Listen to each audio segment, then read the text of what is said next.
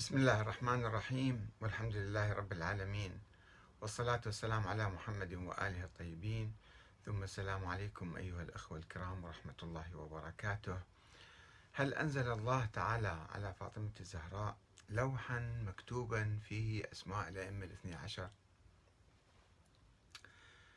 يعني السؤال هو عجيب غريب هذا في الحقيقة ولكني مضطر لطرحه لأنه آه العتبة الحسينية المقدسة.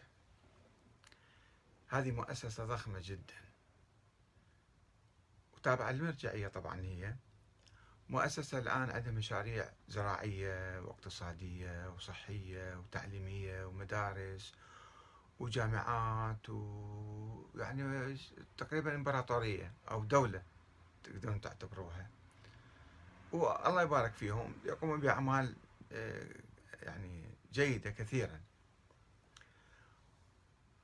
وعندهم تلفزيون وعندهم يعني مواقع على الإنترنت وبالتالي يمثلون وجهة الشيعة والتشيع الآن.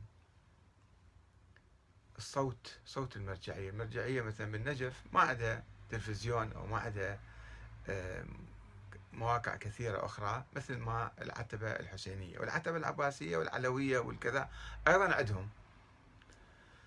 بس أحيانا أحيانا آه، ما أعرف كيف يعني آه، بعض القائمين على هذه المواقع أو هذه المؤسسات يتكلمون كلام شيء يعني مو معقول أو شيء ما في فائدة أو شيء مو صحيح. من ذلك أنه أحد الأخوان يسأل آه، يسأل العتبة آه، اللي هم عندهم مركز أيضا يبدو عليه آه، يسألهم أنه هناك كتاب لبعض المخالفين كتاب اسمه من عقائد الشيعة تأليف عبد الله السلفي ويتهم الشيعة بأنهم يدعون وجود لوح فاطمة عليه السلام عندهم لوح خاص نازل من السماء لوح صخرة يعني شكل. وهم ادعوا في هذا الكتاب أنه مكتوب بأسماء الأئمة كلهم أسماء الأئمة ال 12 فالسائل يسأل يقول هذا النص صحيح ولا مو صحيح؟ شنو رأيكم فيه؟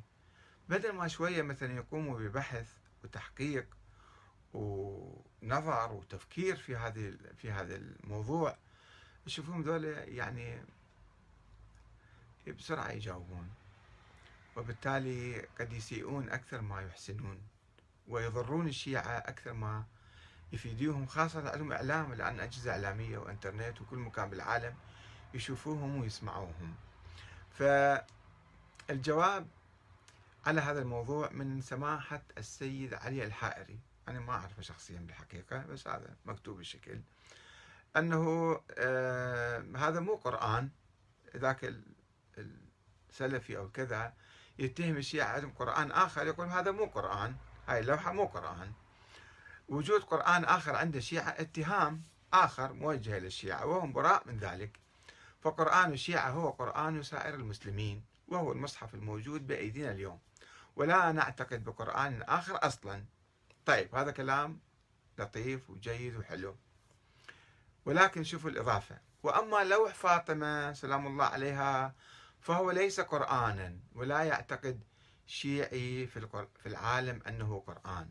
بل حديث اللوح مش حديث مشهور رواه كثير من المحدثين بأسانيد عديدة عن الإمام باكر عليه السلام والإمام الصادق عليه السلام عن جابر بن عبد الله الأنصاري. والحديث يتضمن وجود